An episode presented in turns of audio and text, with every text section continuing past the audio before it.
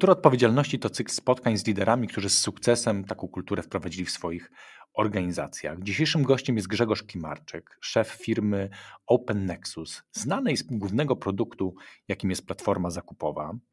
Grzegorz podzieli się swoim doświadczeniem budowania takiego świadomego podejścia jako lidera do biznesu, do swojego życia i jak to się przeniosło na kulturę odpowiedzialności. A dość ciekawe pojęcia, które pojawią się mm, w naszych rozważaniach, to podejście do kapitalizmu versus minimalizmu i jak to przekłada się na kulturę odpowiedzialności. Zapraszam.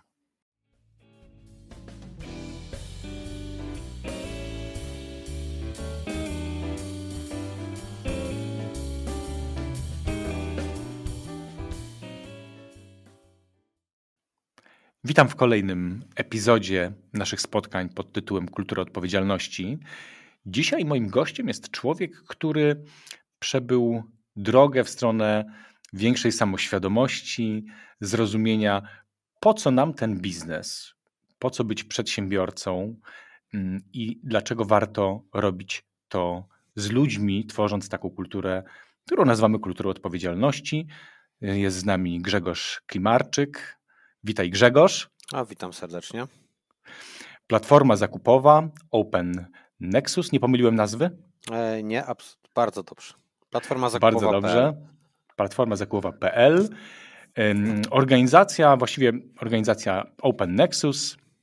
Wasz główny produkt to platforma zakupowa, ale jakaś była droga, która też trochę do tego prowadziła tematu i do tego głównego produktu, tej specjalizacji.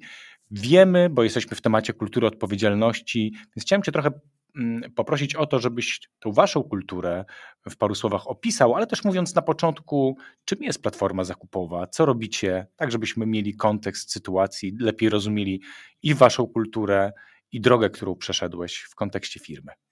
Powiedz parę słów. Dziękuję za ten głos.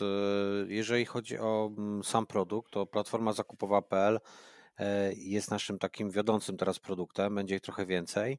Mm, I on odpowiada za elektronizację przetargów głównie w, na rynku zamówień publicznych e, i oczywiście elektronizację negocjacji na rynku biznesowym.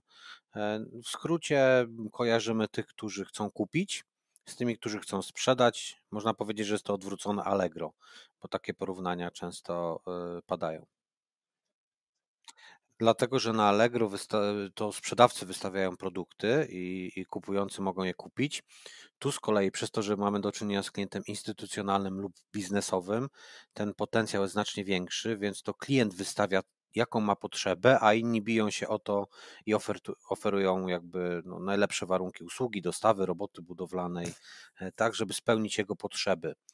E, czyli pojawia się ten element negocjacji i jeżeli wchodzisz na Allegro i porównujesz, nie wiem, przykładowo 10 produktów, to każdy ma inny opis, inną gwarancję, inne standardy, a tu klienci instytucjonalni lub biznesowi często narzucają pewne warunki mm, biznesowe, no i albo się do tego dostosowujesz, albo nie i, i wypadasz z gry. Więc tutaj mają większą siłę przetargową, więc ten proces jest zorganizowany trochę inaczej niż dla Kowalskich. Mhm to jeszcze zanim do kultury, to powiedz może parę słów historii, jak do tego doszliście, tak w paru zdaniach. Wiem, że tam historia była długa i burzliwa, ale jak do tego doszło, że jesteście tu, gdzie jesteście? E, generalnie mm, e, byłem odpowiedzialny w 2008 roku. E, prezes Olszewski zlecił mi takie zadanie. Pracowałem wtedy w Solaris Consulting. To jest taka komórka przy Solaris Bus Coach, czyli producent autobusów. I prezes Olszewski stworzył sobie taką komórkę doradczą. Byłem w tej komórce doradczej odpowiedzialny głównie za logistykę i zakupy, y, bardziej mapowanie procesów i, i, i ta forma zbierania danych o tych y, właśnie e, działach. E, I miałem zadanie właśnie analizowanie rynku platform zakupowych. No i to mnie skłoniło poniekąd do tego po, po analizie rynku, że jest pewna nisza, jest pewien potencjał na, na, na platformę zakupową. Znalazłem wspólników, którzy weszli w ten biznes. No i tak e, porwaliśmy się e, na coś bardzo szalonego. to był początek idei e, i rozmów ze wspólnikami. W 2009 założyliśmy spółkę. Dokładnie w lipcu już notarialnie zawiązaliśmy ją. Ja w lipcu już miałem skończone wypowiedzenie u mojego byłego pracodawcy. No i od lipca zacząłem już działalność na własną rękę. Od samego początku, od 2009, natomiast weszliśmy zupełnie innym produktem. Myśleliśmy, że, że budujemy, że mm, zgodnie ze strategią Błękitnego Oceanu e, będziemy mieli tutaj perspektywy rozwoju. No, no okazało się, że to jest to czerwona kałuża. W związku z tym musieliśmy zmienić tą, tą całą strategię, politykę. No i okazało się, że znaleźliśmy się na rynku zamówień publicznych, na którym w ogóle nie zamierzaliśmy być. Także. No to bardzo ciekawe. Ja tylko tak może jakby taką, tak dokończając tę historię, tak podzielę się taką refleksją, że kiedy zobaczyłem po raz pierwszy nazwę Platforma Zakupowa, mm, zobaczyłem Ciebie i usłyszałem o kulturze odpowiedzialności, właśnie takiej, w której w autonomii wiele rzeczy się dzieje, myślałem sobie, kurczę, to jest bardzo ciekawy case, bo no, Platforma Zakupowa kojarzy mi się z bardzo takim biznesowym, nastawionym na no takie kapitalistyczne podejście, tutaj przetarg, tu ktoś komuś, negocjacje, tego typu rzeczy, no tak można powiedzieć taki twardy biznes, a tutaj człowiek wprowadza kulturę autonomii, odpowiedzialności, nie to żeby mi się gryzło, ale byłem pozytywnie zaskoczony, więc parę słów może o tej waszej kulturze, gdybyś powiedział Grzegorz. E, w sumie to ciekawe spostrzeżenie, wiesz, nigdy na to tak nie, nie spoglądałem, ale faktycznie jak widzimy, to jesteśmy bardziej zwolennikami kojarzenia jednej strony z drugą i ułatwienia komunikacji, a na przykład jako jedna z nielicznych platform nie jesteśmy wcale orędownikiem na przykład aukcji elektronicznych. Oczywiście jesteśmy ich zwolennikiem w pewnych obszarach, gdzie to jest naprawdę uzasadnione i fajne. Na macierzy Kralicza nie wchodząc w szczegóły, są to dźwignie tak zwane, za, za, zakupy typu dźwignie, czy jedna z czterech kategorii. I, i wcale nie ilościowo niezbyt licząca. I tam jak najbardziej aukcje elektroniczne, natomiast cała nasza konkurencja parła na aukcje, a my odwrotnie. E, a my parliśmy na, na to, żeby zawiązywać relacje międzyludzkie, żeby się komunikować i żeby utransparentniać bardziej kwestie wyboru. Żeby czy to dział zakupów, czy to dział zamówień publicznych w jednostce podległej pod prawo zamówień publicznych, czyli tam urzędy, gminy e, i wszystkie jednostki, które firmy sektorowe, również jak wodociągi chociażby, które świadczą tutaj e, szczególne usługi żeby one miały łatwiej, szybciej i transparentnie przede wszystkim. Żebyśmy nie bali się nieraz wybrać jakiegoś wykonawcę z uwagi na to, że nie jest lokalnym wykonawcą, ale utransparentnijmy to. Powiedzmy, że szukamy tego lokalnego wykonawcę, uzasadnijmy to i wybierzmy go, ale wybierzmy go w sposób transparentny i przejrzysty. I, i tu bardziej przyświecało ta, ta idea nam. Czyli już u podstaw waszych, waszego produktu, filozofii, która za tym stoi, więc tak, też tej części kulturowej można by powiedzieć, jest to, że no ma to być transparentne i budujące relacje po obydwu stronach, tak? I jakby uzasadniające też w sposób transparentny, dlaczego do tego zakupu dochodzi. Tak, ale z podziałem na do 2013 i po 2013, bo do 2013, gdzie było Open Nexus 1.0, E, platforma zakupowa 1.0, e, to tutaj jakby zdecydowanie jednak e, było to dominacja na jak najtaniej, jak najszybciej, trochę inna filozofia, bo też inny stan myślenia. Ja byłem wtedy klasycznym autokratą, więc jakby tutaj też dostosowałem do tego chyba strategię nieświadomie. No to w czym to się przejawiało? Ten, to przeniesienie twojego autokratyzmu na produkt? E, no też uważałem, że w relacjach z dostawcami trzeba być twardym i, i jakby twardo negocjować. E, nie stosowałem też często strategii zakupowej, e, nie brałem pod uwagę wielu innych czynników, e, raczej tutaj wynik ekonomiczny, który był wtedy najważniejszy. I o dziwo, jak bardzo się na tym koncentrowałem, tak spółka też dołowała pod względem finansowym, także tutaj mm, ledwo wiązaliśmy koniec z końcem. W momencie, kiedy się przestałem na tym koncentrować, przestaliśmy się na tym koncentrować, za sprawą nowej strategii wdrożonej w 2014 roku. E, wyniki finansowe z roku na rok były coraz lepsze. E, więc tutaj coś. Co... Wasze wyniki finansowe się polepszyły, kiedy przestaliście się koncentrować na wynikach finansowych. Dobrze tak, to rozumiem? Tak, tak. Dobra, to chciałem się upewnić. Mm, I tak sobie myślę, że na pewno to nie przypadek. Bardzo dużo w tych naszych podcastach na temat kultury odpowiedzialności jest na temat tego linku pomiędzy niekoncentrowaniem się na wynikach i widzeniem, jak rosną. Y, więc tego może nie będziemy pogłębiać. Myślę, że słuchacze, którzy już słuchali poprzednie odcinki, czują ten, to powiązanie, tą relację, ale skoro nie koncentrowaliście się na wynikach od 2014 roku, to pytanie, na czym zaczęliście się koncentrować, czyli na czym ta wasza kultura zaczęła się opierać bardziej? To były początki. Na pewno na coraz większej autonomii, samodzielności, ale to mm, następowało etapami, dlatego że moja samoświadomość nie była jeszcze na takim poziomie, który by y, bariery, które miałem wewnętrznie, lęki, obawy jakby puszczenia tego wszystkiego, sterów, e, no sprawiały, że jeszcze gdzieś tam e, to były takie małe kroki, niekiedy nawet powrót do starych metod, kiedy coś nie szło. Więc to, to była taka sinusoida jeszcze od 2014 bym to określił. I do 2000 gdzieś tam powiedzmy 16, 2016 był jakiś taki jeszcze kolejny przełom, gdzie e, usamodzielniliśmy dwa zespoły, to jest Centrum Wsparcia Klienta i IT. Natomiast no, sprzedaż e, przez to, że, że nie wiedziałem jak tym zarządzać, to zastosowałem substytut zarządzania czyli prowizję, wysoką prowizję, niską podstawę, no i jakby martwcie się, zarządzajcie sami. E, tak w skrócie. Aha. I to był jeszcze 2016 rok, czyli jakby można powiedzieć jeszcze już w tym procesie zmian kulturowych. Już w tym procesie zmian, jednak sprzedaż to też wynikało z tego, że e, my wtedy jeszcze byliśmy na granicy rentowności i też okay. nie, to były takie etapy i fazy. Jak już widziałem, że jesteśmy, że już nie walczymy od pierwszego do pierwszego, to potem decydowałem się na kolejne kroki. To były takie bardzo ewolucyjne mm -hmm. od tego, że mhm. niektórych ludzi musieliśmy zatrudniać na umowę zlecenie na początek, bo nie mieliśmy na to pieniędzy. Potem już jakby zlikwidowaliśmy całkowicie umowy, e, umowy zlecenia. No to były takie fazy ewolu, ewolucyjne, można tak to nazwać.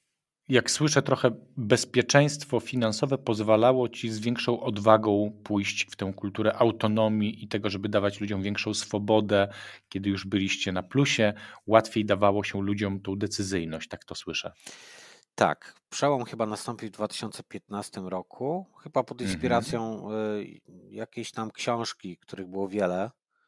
E, tutaj jakby gdzieś tam taki przełom, że zacząłem zadawać sobie pytanie. Byłem już bardzo zmęczony, pracowałem bardzo dużo, robiłem około 100 tysięcy rocznie kilometrów e, i można powiedzieć, że byłem raczej gościem w domu. E, chyba żona też już miała tego dość. Zacząłem zastanawiać, e, co ze mną nie tak, e, dlaczego chcę skończyć tak jak chociażby prezes Olszewski, którego mega szanuję, bo był świetnym człowiekiem, jest świetnym człowiekiem, natomiast no, pracował zbyt, zbyt dużo, mm, zbyt dużo brał na siebie i ja podążałem tym samym, tym samym schematem. Zacząłem się zastanawiać, co ja chcę zrobić tak, tak naprawdę i po co ta firma. Ja mówię, co by się stało, gdyby mnie nie było? Gdybym odszedł, y, no to musimy jakiś plan sobie założyć, bo, bo lubię planować w ten sposób, czyli mieć taki, być przygotowanym na plan B. Nie wiem, połamałem się y, na nartach w Alpach, powiedzmy. Nie jeżdżę na nartach, ale hipotetycznie. E, no jest, i... Już myślałem, że na poważnie. Nie, nie.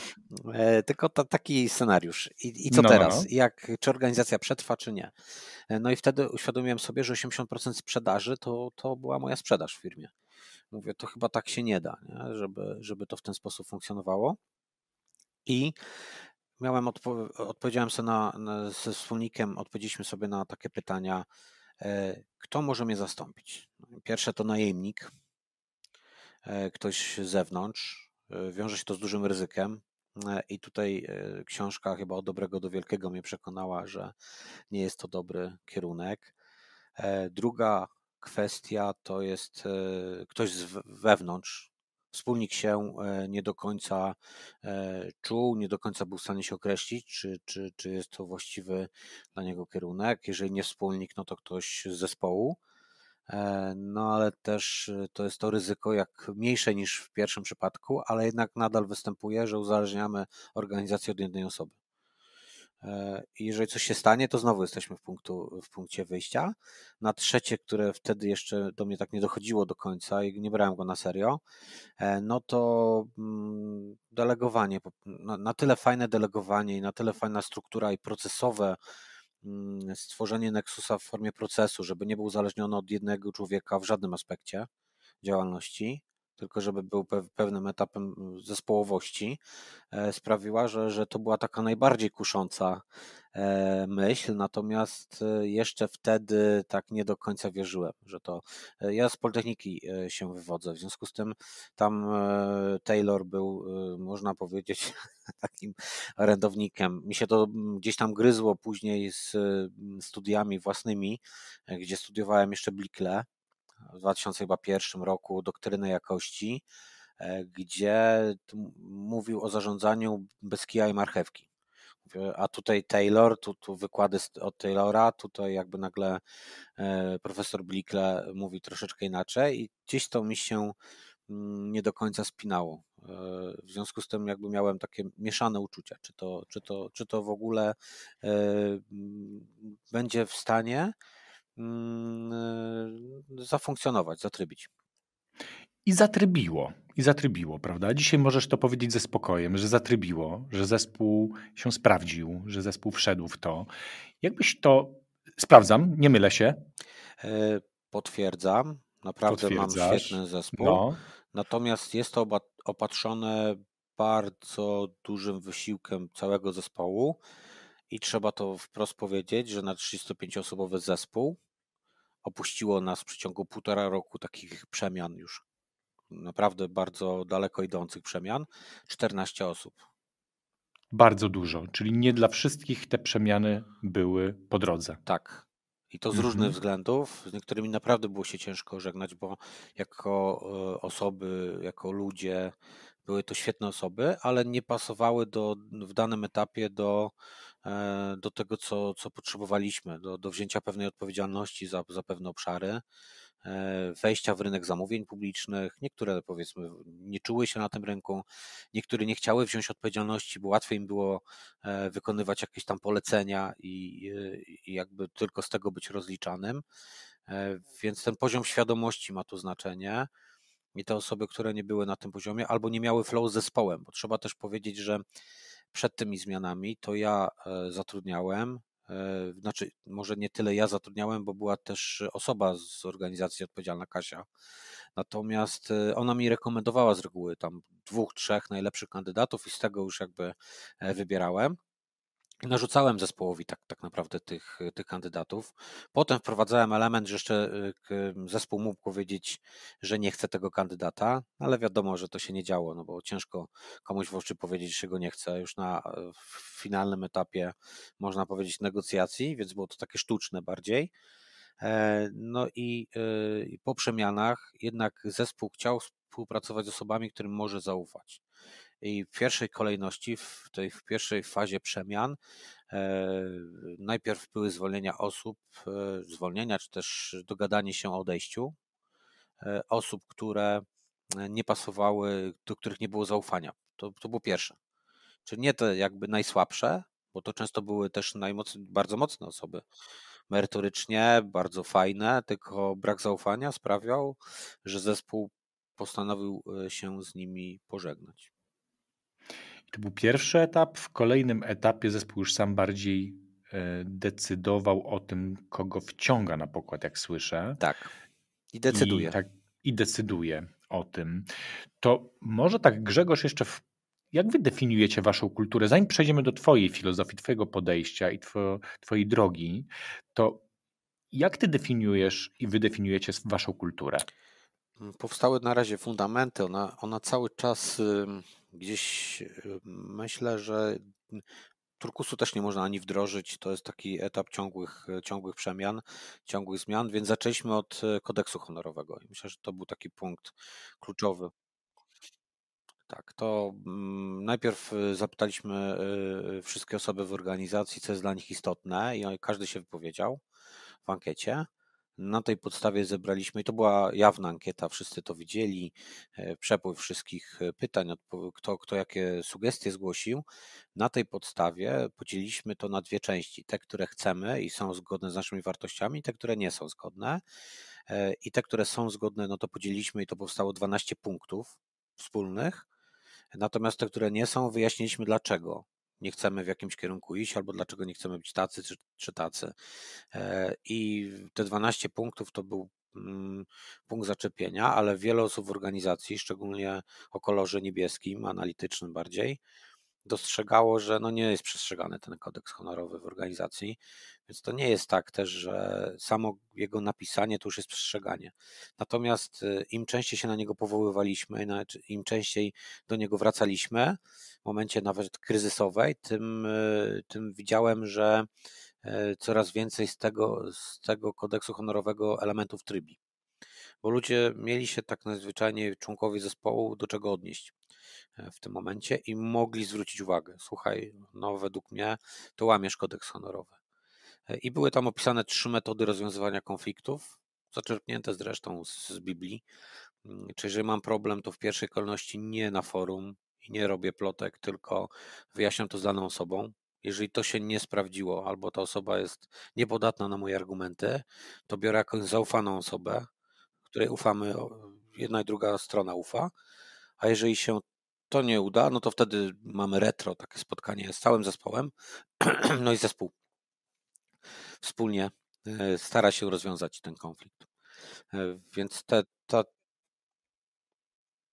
ten kodeks e, uruchomiliśmy, będzie niedługo dwa lata. Gdzieś to myślę, że w, E, tak, e, wiadomo, że to zależy od osób, które to, to e, realizują. Jedni to realizują, no tak jak z przykazaniami bożymi. Mimo, że jest, są część z nas w naszym kraju, jesteśmy katolikami, niektórzy praktykujący, niektórzy niepraktykujący lub się tak nazywają. Różnie też z egzekwowaniem przykazań.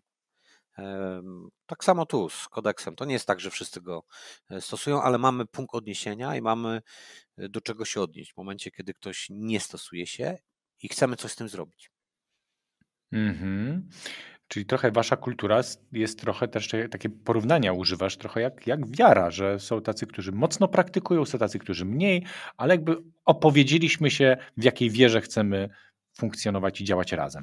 Tak, i oczywiście też yy, trzeba mieć na uwadze, że jest u nas sporo osób niewierzących, żeby, mm -hmm. żeby one tego mm -hmm. źle nie zrozumiały. Ja, ja wiara użyłem bardziej metaforycznie w tym wypadku. Oczywiście. Mm -hmm. No dobrze, macie kodeks i, i to działa, sprawdza się w mniejszym, większym. Tak jak powiedziałeś, to jest taka chyba nieskończona droga przed wami y, związana z budowaniem tej kultury organizacyjnej, ale wybraliście też drogę oparcia się na o zespole, a nie myślenia w kategoriach nie wiem, sprzedaży firmy, wciągania kolejnego najemnika, kto, kogoś najemnika, który ma zarządzać. Tak. Wybraliście tę drogę i, ta, i tej drogi się trzymacie. I nasze spotkanie jest dla mnie dość intrygujące osobiście, bo kiedy rozmawialiśmy mm, parę już chyba miesięcy temu, tak sobie myślę, to bardzo poruszyły mnie słowa, które, y, których używałeś, mówiąc o swojej drodze, o tym, jak ty dochodziłeś do pewnej filozofii, którą widać mocniej w tej waszej organizacji, prawda? W takiej filozofii, gdzie padały słowa typu kapitalizm w kontekście raczej że nadmierne patrzenie takie kapitalistyczne prowadzi do wielu problemów, wielu takich, można powiedzieć, trochę nadużyć, że mm, jakby tworzy, nie tworzy partnerskich relacji w ogóle w biznesie ani w firmie, a z drugiej strony pojawiło się słowo minimalizm jako kierunek, który gdzieś tak zrozumiałem jest dla ciebie ważny. Nie wiem jeszcze jak bardzo, ale usłyszałem go jako coś, co na pewno ci przyświeca w takim myśleniu o swojej roli, o w ogóle myśleniu o biznesie, o podejściu do życia. Więc tak trochę wprowadzam szerokim pytaniem, ale tak naprawdę ono jest o Twoją filozofię. Twoją filozofię, jakie masz przekonania w tym temacie, jak trochę do tego doszło. No tak, poruszyłeś bardzo, bardzo dobry, bardzo fajny wątek. Generalnie ja byłem utożsamiany z takim kapitalistą i myślę, że poniekąd chciałem nim zostać. Można powiedzieć, że też ten duch przedsiębiorczości mi zawsze gdzieś tam towarzyszył od y, czasu młodości. Raczej nie myślałem o własnej firmie, natomiast inspiracja prezesa Olszewskiego sprawiła, że poszedłem w, w tym kierunku i naprawdę jestem mega wdzięczny, że spotkałem takiego człowieka na swojej drodze, bo, bo, bo to ważna postać w moim, moim życiu.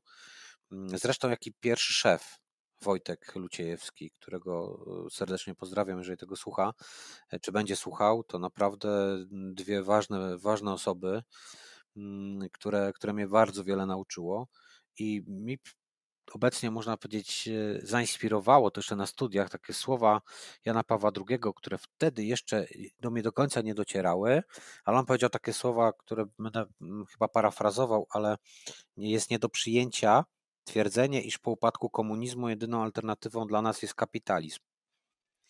E, I jeszcze wtedy tego nie rozumiałem, natomiast zrozumiałem, kiedy przeszedłem różne kultury organizacyjne i widziałem też kolory organizacji. To jest w Pracować Inaczej Lalu opisane, e, czyli tam organizacja czerwona, taka mafia.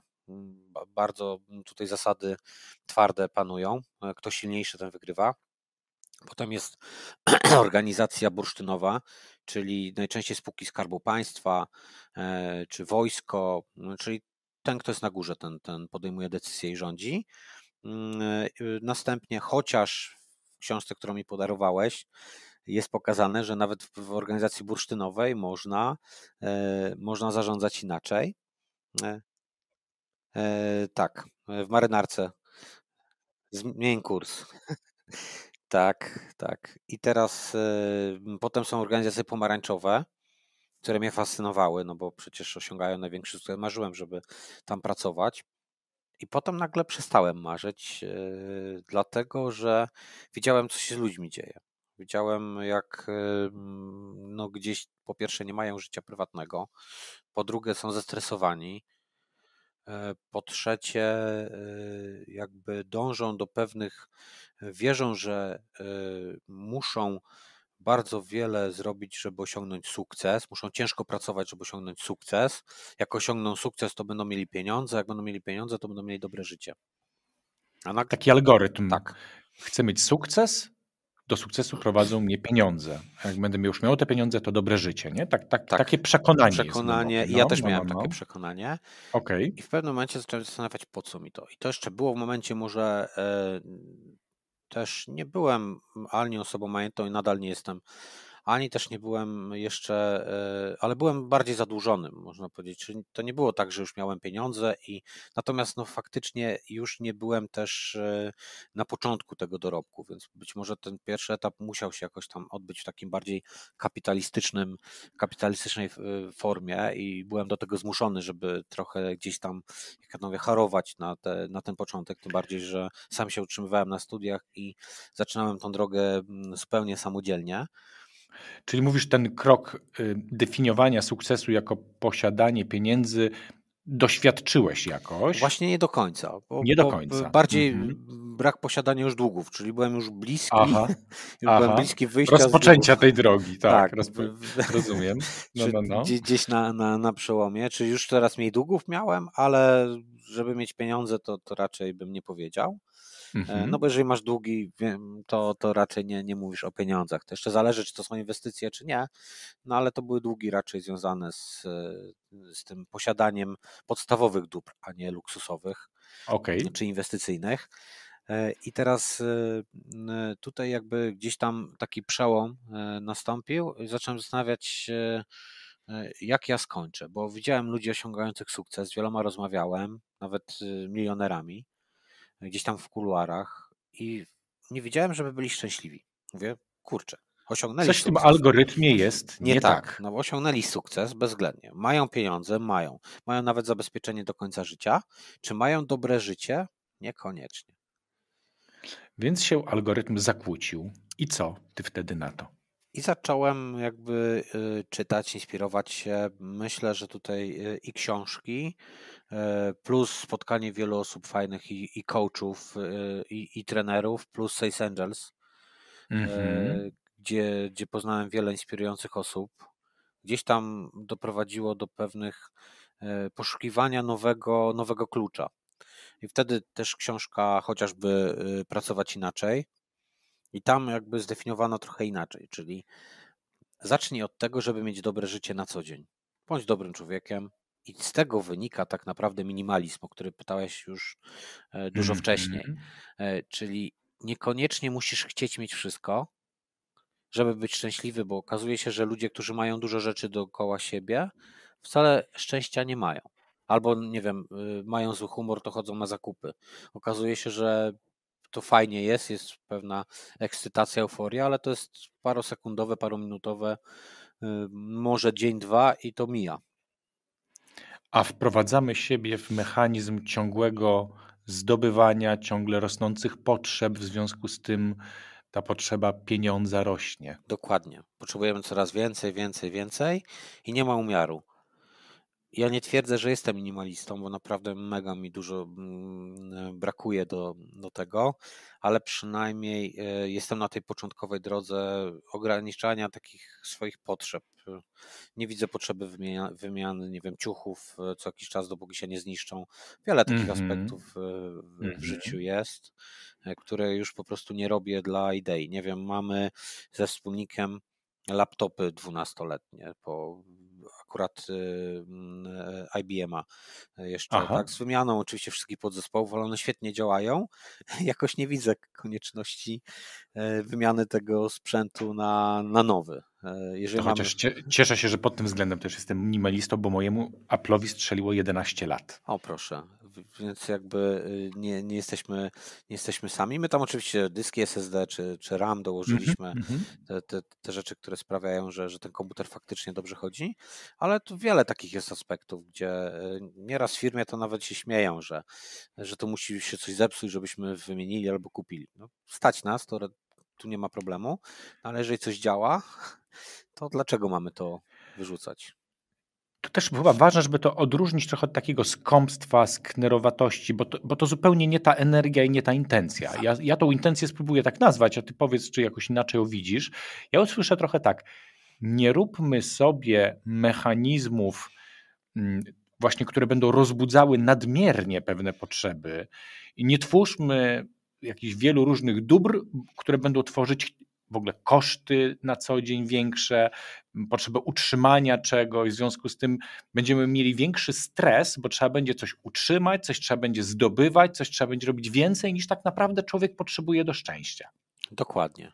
E, I, I, ja bym się z tym w 100% zgodził, bo to wszystko powoduje, że, że cały czas mamy taką ciągłą gonitwę, potrzebę e, kupowania, kupowania czegoś e, i, i cały czas jest nam mało, cały czas się gdzieś tam albo zadłużamy, albo też mamy motywację do coraz cięższej pracy na rzeczy, mm -hmm. z których nawet mhm. nie mamy czasu się cieszyć. I... Czyli mamy coraz więcej pieniędzy i coraz mniej czasu, coraz więcej rzeczy i coraz mniej możliwości, żeby z nich korzystać. Dokładnie.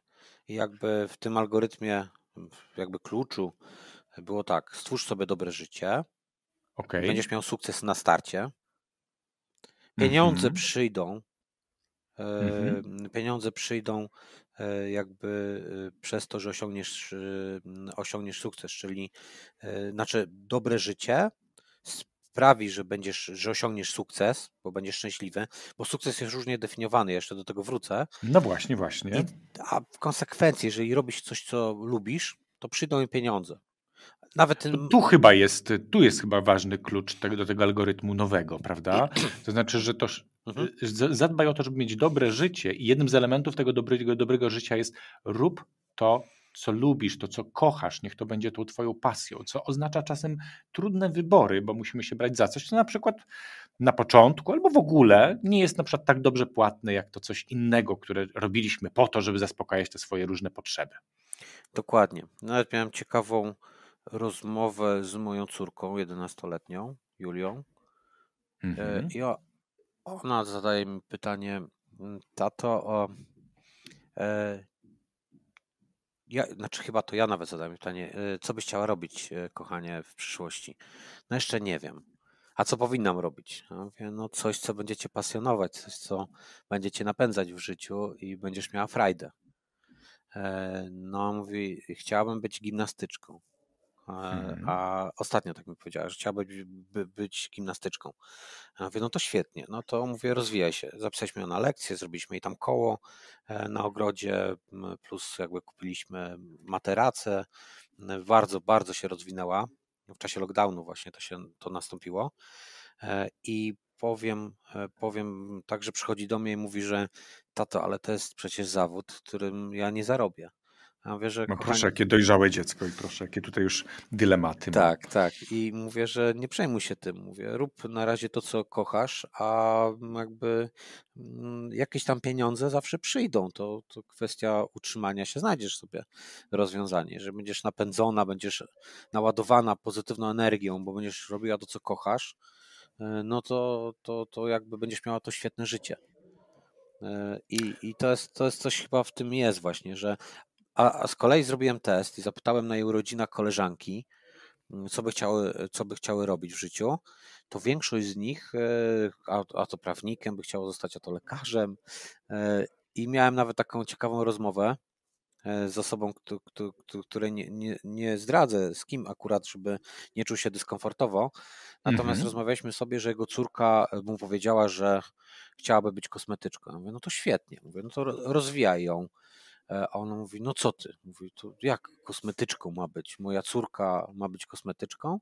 No ja mówię, no a mówię, zadałaś pytanie, czy chcesz, żeby była szczęśliwa, czy chcesz, żeby robiła to, co ty chcesz? Albo jakie masz ambicje e, do tego? Bo nasze ambicje nas często e, zjadają. I ambicje też rodziców, myślę, w stosunku do dzieci. Nie myślimy o tym, żeby dziecko było szczęśliwe, nawet sprzątając ulicę ktoś może być szczęśliwy, bo kocha sprzątać e, i, i robi to z pasją mm -hmm. i on będzie mega usatysfakcjonowany i będzie mega szczęśliwy. Także nie... Tylko nakładamy te swoje potrzeby, często niezrealizowane, albo swoją definicję dobrego życia Szczęścia, i sukcesu. I właśnie sukcesu. Szczęścia, to, tak.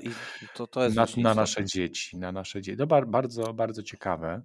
Ja też bym chciał Cię, pod... w ogóle to podzielę się krótką refleksją, jak to opowiadałeś, przypomniało mi się, że jako nastolatek stanąłem na rozdrożu. Mm, byłem w końcówce liceum i byłem zafascynowany grą na gitarze. I stanąłem jako w trzeciej klasie liceum przed takim dylematem. Idę na studia muzyczne i chciałem pójść do Katowic na rozrywkę, czy idę na jakieś inne studia, jeszcze nie wiedziałem jakie.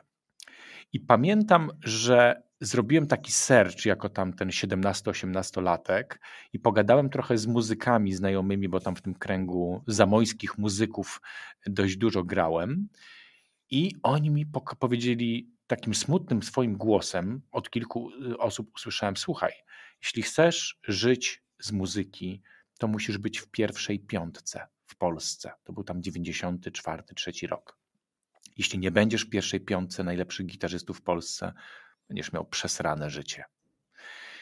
Ja pamiętam, że wtedy zrezygnowałem ze swojej pasji i podjąłem decyzję, że idę na inne studia i poszedłem na SGH. W ogóle nie wiedziałem, co to za studia, ale koledzy szli, stwierdziłem, no to jak nie muzyka, to biznes, nie? I jak dzisiaj mnie ktoś od czasu do czasu pyta, a gdybyś nie robił tego, co robisz, to co byś robił? Ja zawsze odpowiadam, byłbym muzykiem. I cieszę się, że cieszę się, że utrzymałem jakąś tą pasję, jak trochę o tym mówisz, ale żal jakiś mi się trochę czasem rodzi, że za tą pasją nie poszedłem. Kto wie, czy byłbym w pierwszej piątce i czy byłoby to potrzebne. Natomiast coś tam gram i nawet w naszym podcaście muzyka, którą wykorzystuję jest, jest muzyką, którą sam nagrałem.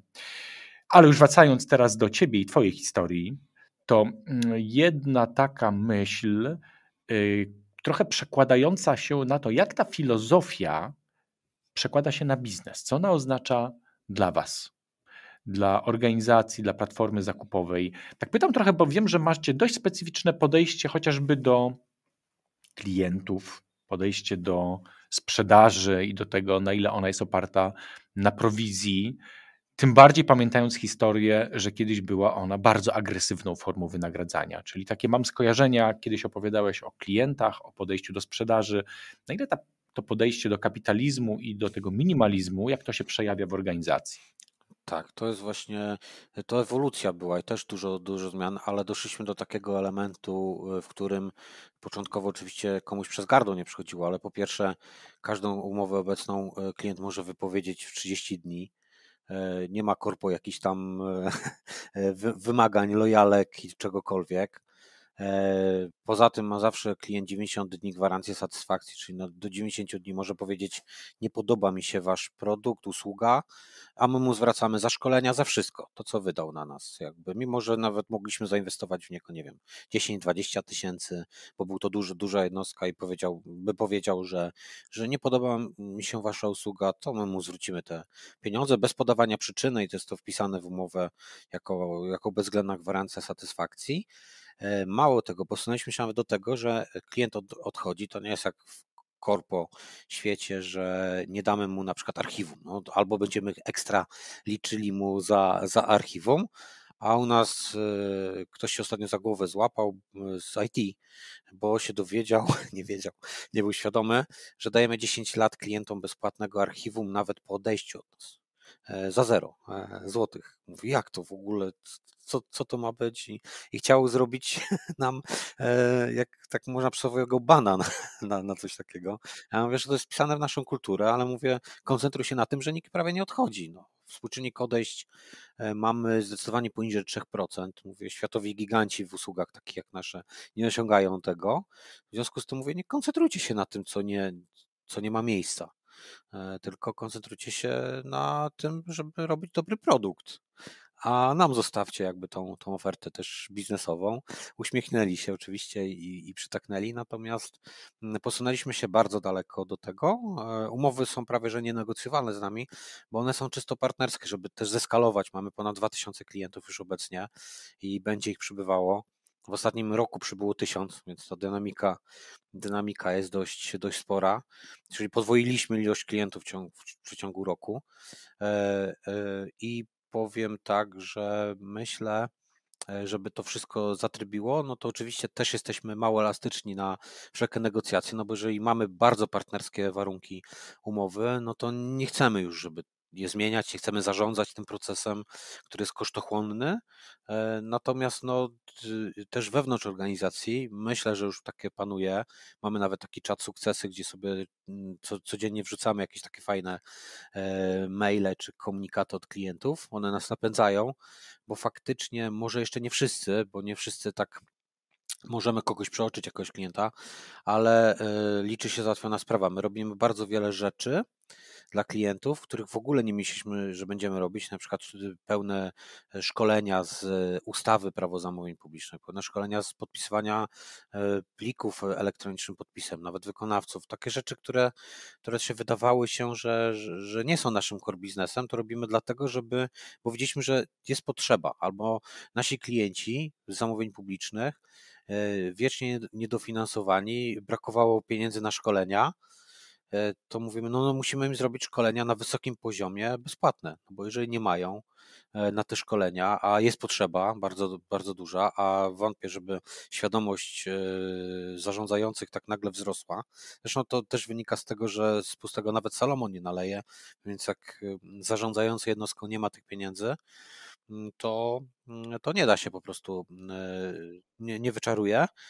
To bym powiedział, że tak trochę ta filozofia przeniosła się na to, że poszliście bardzo daleko, nawet robiąc trochę nierynkowe z perspektywy, nie wiem, chociażby waszej konkurencji rozwiązania, bo ustawiliście się jakby w pozycji klienta, czego klient może potrzebować i tu stworzyliście takie bardzo daleko idące standardy, ale też takie mam poczucie, że jakby zdefiniowaliście, że to musi być dobre rozwiązanie, trochę jak dobre życie w Twoim algorytmie. Punkt numer jeden.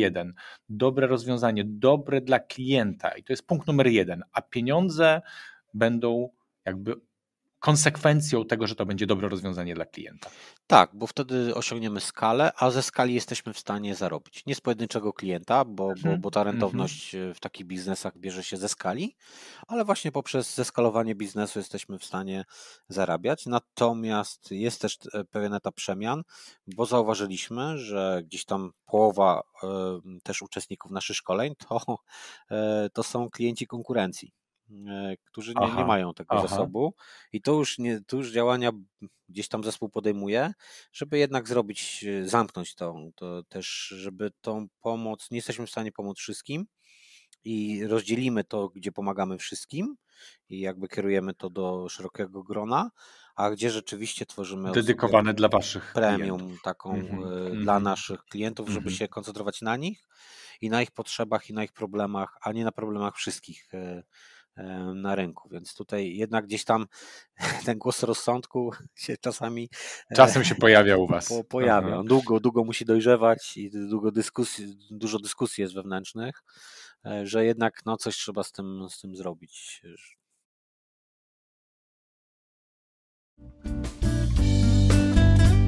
Kultura biorę odpowiedzialność to jedna z głównych specjalizacji For Results. Propagujemy to podejście, wdrażamy u naszych klientów. I dla tych, którzy chcą więcej się dowiedzieć na ten temat, zapraszam na podstronę www.forresults.pl ukośnik bio. Tam znajdziecie informacje na temat narzędzi, samego podejścia, ale też bibliotekę darmowych, dostępnych informacji, podcastów, webinarów, które mówią o tym, jak to podejście wdrażać w organizacjach. Serdecznie zapraszam www.forresults.pl ukośnik bio.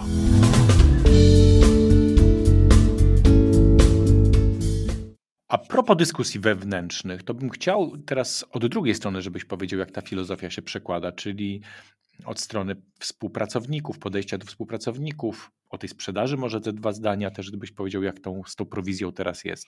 E, jeżeli chodzi o prowizję ze sprzedaży, to jej nie ma. E, po prostu. Po prostu.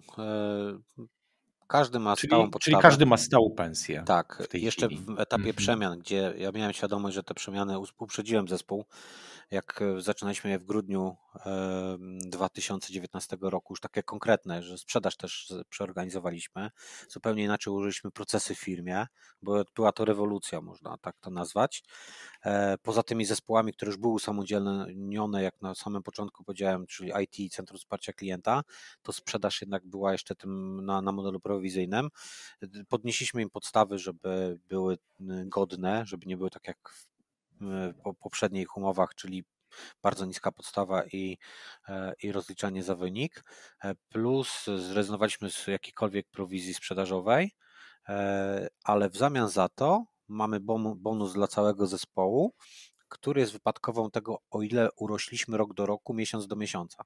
Tak, i zdecydowaliśmy się też płacić bonus dla zespołu. To było taki nasz projekt Bali. Pomimo, że oczywiście o pieniądzach nie myślimy, ale powiedzieliśmy coś takiego sobie. Też chcemy zapewnić bardzo Wam godne życie, żebyście też mieli i na mieszkanie, na wszystko, czy na te potrzeby podstawowe. Wyszliśmy z założenia, że było takie badanie, gdzie człowiek powiedział, że jeżeli ktoś będzie zarabiał 9 i chyba 7, około 10 tysięcy, to już ma na wszystkie potrzeby, nie musi walczyć od pierwszego do pierwszego. Czyli ma na, na wszystkie potrzeby, które ma, więc założyliśmy sobie projekt Bali 2023, gdzie minimalne wynagrodzenie w spółce będzie 9300, tam około 10 tysięcy netto. I żeby to się stało, to powiedzieliśmy OK, będziemy, w, w, będziemy, będziemy, pensje nam będą rosły tyle, ile spółka urośnie i będziemy z tym nadwyżką dzielili się z wami co miesiąc. I tak jest, ale to cały zespół ma, nie tylko zespół sprzedaży. A na koniec roku z wypracowanych tych, jakby można powiedzieć, premii cząstkowych jest pula na podniesienie stałych wynagrodzeń. Co roku sobie podnosimy. W poprzednim roku ten wzrost był znaczący. Dla niektórych to na to 50% wzrosły wynagrodzenia. I ludzie zauważyli, że bardzo szybko podążamy do tego naszego projektu Bali 2023. Słuchaj, Bali mi nie brzmi jak minimalizm. Dokładnie. Tak, no. tak, ale to pamiętaj, że te projekty powstawały na etapach różnych i różnie.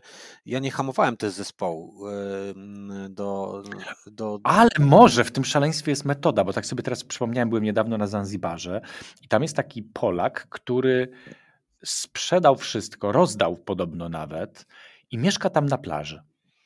Czyli można powiedzieć, że w raju wszedł absolutnie w klimat minimalizmu, więc może to nie jest sprzeczne. Po prostu na tym Bali jest trochę jak w raju. Ludzie nie mają dużo, a są szczęśliwi. E, Tak, ja nawet myślałem o tym, że za, czytałem, że za 2000 można, można nawet dobrze, dobrze sobie e, przeżyć, czy jak się ma już te 2000 emerytury się tam e, przeprowadzić. W związku z tym e, może taki jest. No właśnie, głębiej to jednak ma sens. Blisko natury i bez niczego, bo właśnie tak jak się mhm. zastanawiam, jak, jak to zadałeś, ale ja nawet nie hamowałem tego pomysłu, Mm, dlatego że nie mam patentu na, na, na idealne pomysły. Wcale nie uważam, żebym miał obowiązek zarażania minimalizmem innych ludzi, bo być może ktoś się świetnie czuje, e, bo może sobie coś kupić i ma inne podejście do życia i może mieć. Ja mogę dzielić się tylko swoimi spostrzeżeniami, a ten akurat projekt Bali 2023 nazwał zespół gdzieś tam na warsztatach, e, które, które prowadziliśmy, to był chyba to było 21 grudnia 2019 roku, mm, e, czyli taki śmieszny termin, bo sobota, znowu nie turkusowo, ale zespół chciał w sobotę, bo w inny dzień nie, nie mógł i to jeszcze przed Bo Bożym Narodzeniem. E, tam trzy dni było do, do Bożego Narodzenia, więc, więc bardzo fajna data, natomiast gdzieś, gdzieś tam powstał w, podczas takich prac zespołowych, że, że tworzymy sobie projekt Bali 2023. Teraz już nikt o tym tak specjalnie nie mówi, ale, ale gdzieś to była ta pierwsza, ta pierwsza taka idea i e, powstał przez to ten projekt y, podnoszenia wynagrodzeń, podstaw.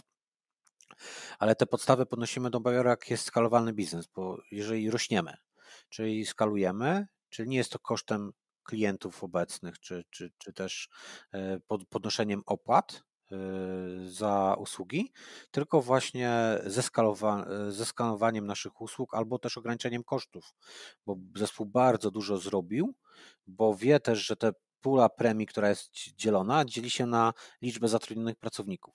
Im nas jest mniej, tym jest szybszy wzrost wynagrodzeń. I i bliżej do Bali. W związku z tym y, fenomenalnie bardzo wiele procesów zautomatyzowaliśmy, ale nie tych z klientami, tam budujemy relacje, tylko tych nie dodających wartości, tych, e, które, mm, które gdzieś tam nie, nie są istotne, nawet do tego stopnia, że prawdopodobnie w niedalekiej przyszłości, pewnie jeszcze w tym roku, powstanie stanowisko osoby, która będzie tylko zajmowała się automatyzacją procesów w RPA budowaniem jakby różnych robotów wewnętrznych, do tego, żeby te niekluczowe rzeczy, te powtarzalne, maksymalnie automatyzować. Żeby klient miał szybciej, bo nie wiem, założenie konta, zlecenie czegokolwiek, no będzie już wykonywał człowiek na wejściu, oczywiście od klienta, ale wewnątrz już robot. E, I, i to sprawi też, że, że te procesy są dużo szybsze. E, niż, niż, No widać energię, widać energię zespołu i też myślę, że ten projekt Bali, naprawdę to jest bardzo ciekawa metafora i tak trochę zostawiam z tym obrazem naszych słuchaczy, bo to jest, nie ma to jak stworzyć atrakcyjny obraz w głowie i tak słyszę, że to co zrobiliście, to ten obraz pracownicy sobie stworzyli, a on za sobą już pociąga energię do tego, żeby konsekwentnie do 2023 roku doprowadzić do tego, co jest waszym projektem Bali. Grzegorz, tak trochę kończąc y, ten wątek, to bym cię chciał zapytać, kto tak opisujesz i ten swój taki dylemat sprzed kilku lat, czy tam być, bo przecież, no nie wiem, mam związek mogę zawalić nawet, prawda? Małżeństwo mogę rozwalić tym swoim byciem w pracy. Czyli takie dylematy, które wynikały ze starego paradygmatu bycia właśnie takim autokratą i bycia zajechanym, tak jak to opisywałeś. Te 100 tysięcy kilometrów, tu wspominam ze słowem zajechany łączę.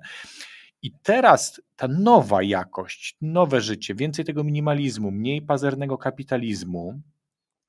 I moje pytanie w tym kontekście, takie już jedno z końcowych, to jest: po co ci to teraz ta firma? Co ona ci daje? Jaką ty, jakie ty potrzeby swoje realizujesz teraz, będąc w tej organizacji, w takiej formule, w jakiej jesteście? E, chciałem zawsze mm, być w pracy, w takiej, której E, praca nie, nie sprawia mi problemu, nie sprawia mi problemu wstawanie, nie mam efektu piąteczku i, e, i poniedziałku. Tak, poniedziałeczku, że, że już poniedziałek. E, I właśnie tak się stało, żebym nie miał stresu, jak idę do pracy, że naprawdę ten okres jest bardzo fajny, bo zobaczyłem, jak mam fantastycznych ludzi w zespole. Taki przykład, że jedna z tych 14 osób akurat to sama odeszła E, e, z marketingu, Ania, bardzo wartościowa osoba, ale postanowiła jakby też spróbować swoich sił szerzej, bo tutaj nie miała doświadczenia, gdzieś tam budowała sobie u nas i osoba odchodzi, taka dosyć ważna w tych etapach przemian i nie minął weekend, a po weekendzie przychodzi do mnie osoba z Centrum Wsparcia Klienta. Słuchaj, Grzegorz, rozmawiałam z naszą Anitą, która od nas odeszła do Korpo, do Warszawy, popracowała sobie dwa lata w marketingu, ona by bardzo chciała wrócić. No i w zasadzie rekrutacja jeszcze się nie zaczęła, już się skończyła, bo nie zdążyliśmy nawet ogłoszenia stworzyć.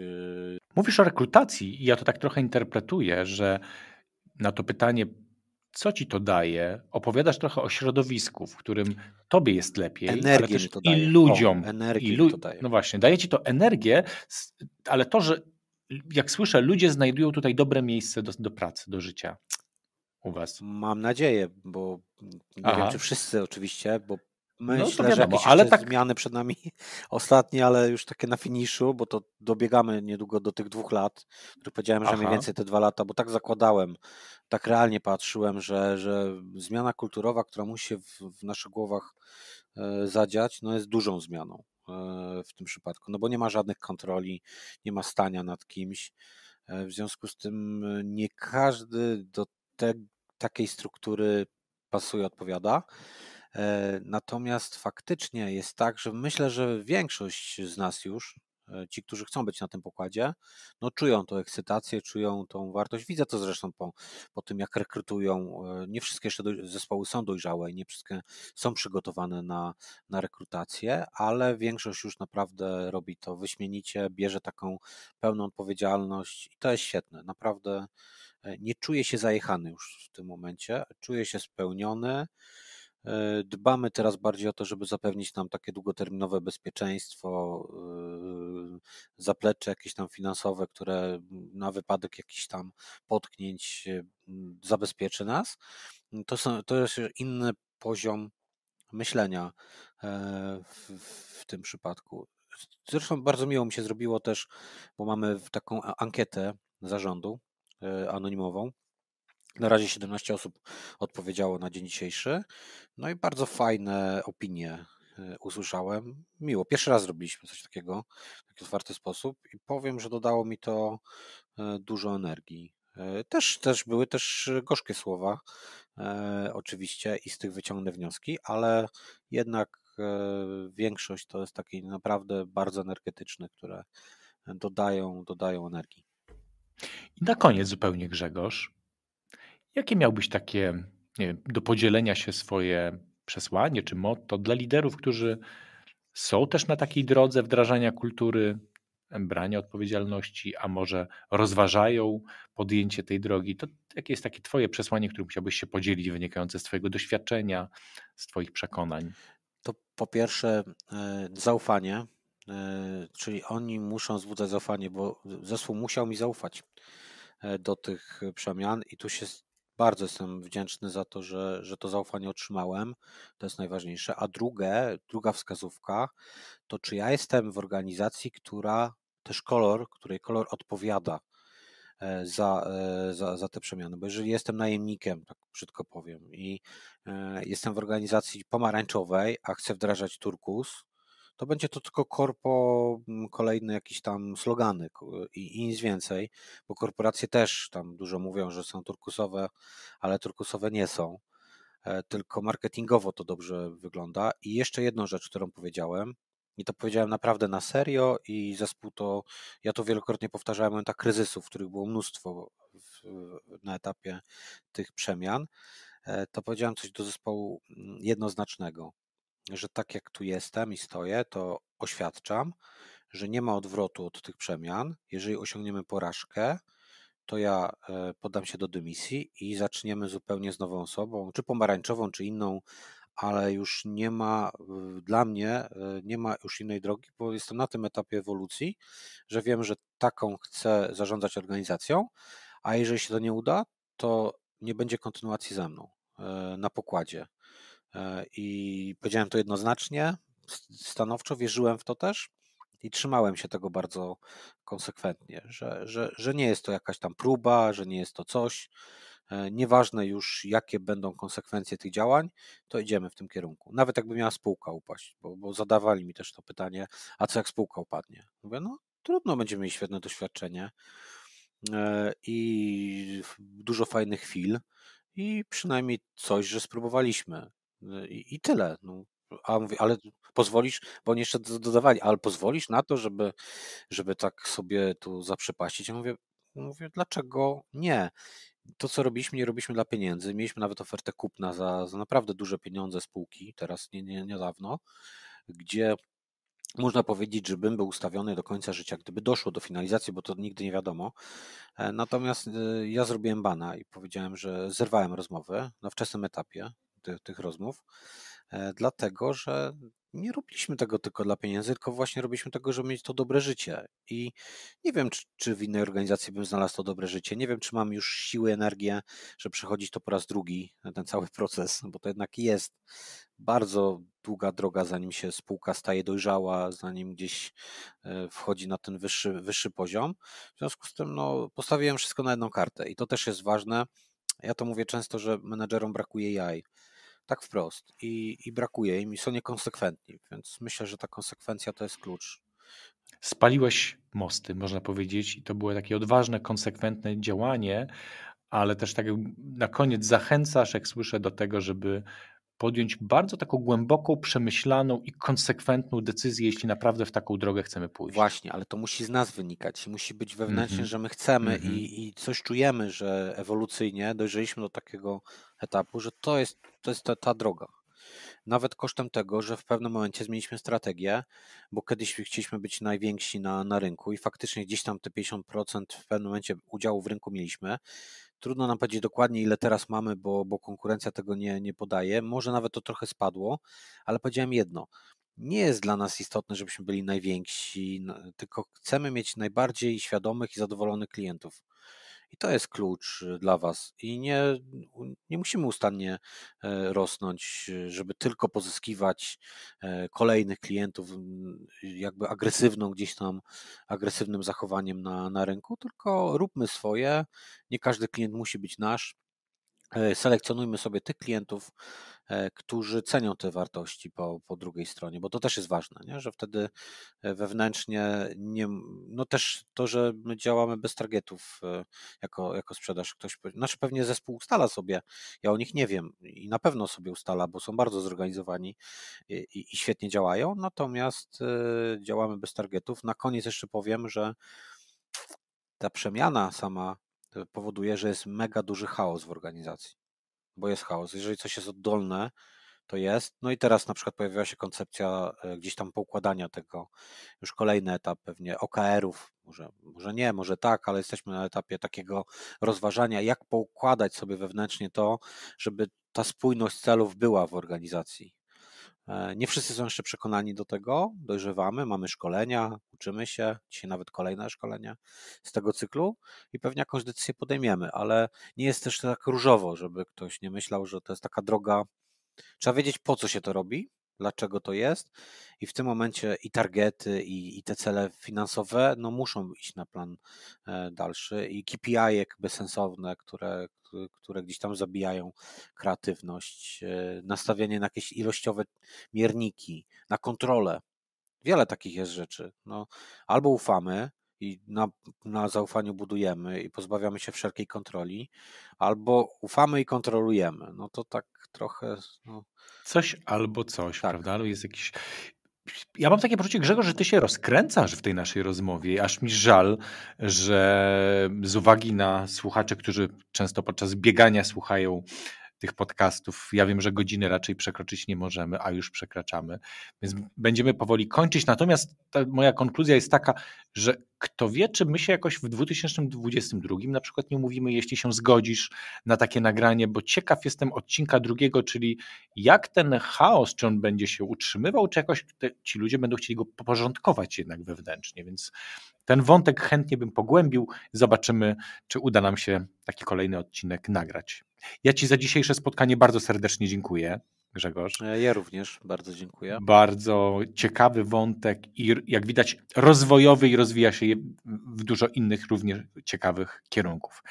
Dziękuję Ci jeszcze raz, pozdrawiam wszystkich słuchaczy i do zobaczenia w kolejnych epizodach. Do zobaczenia.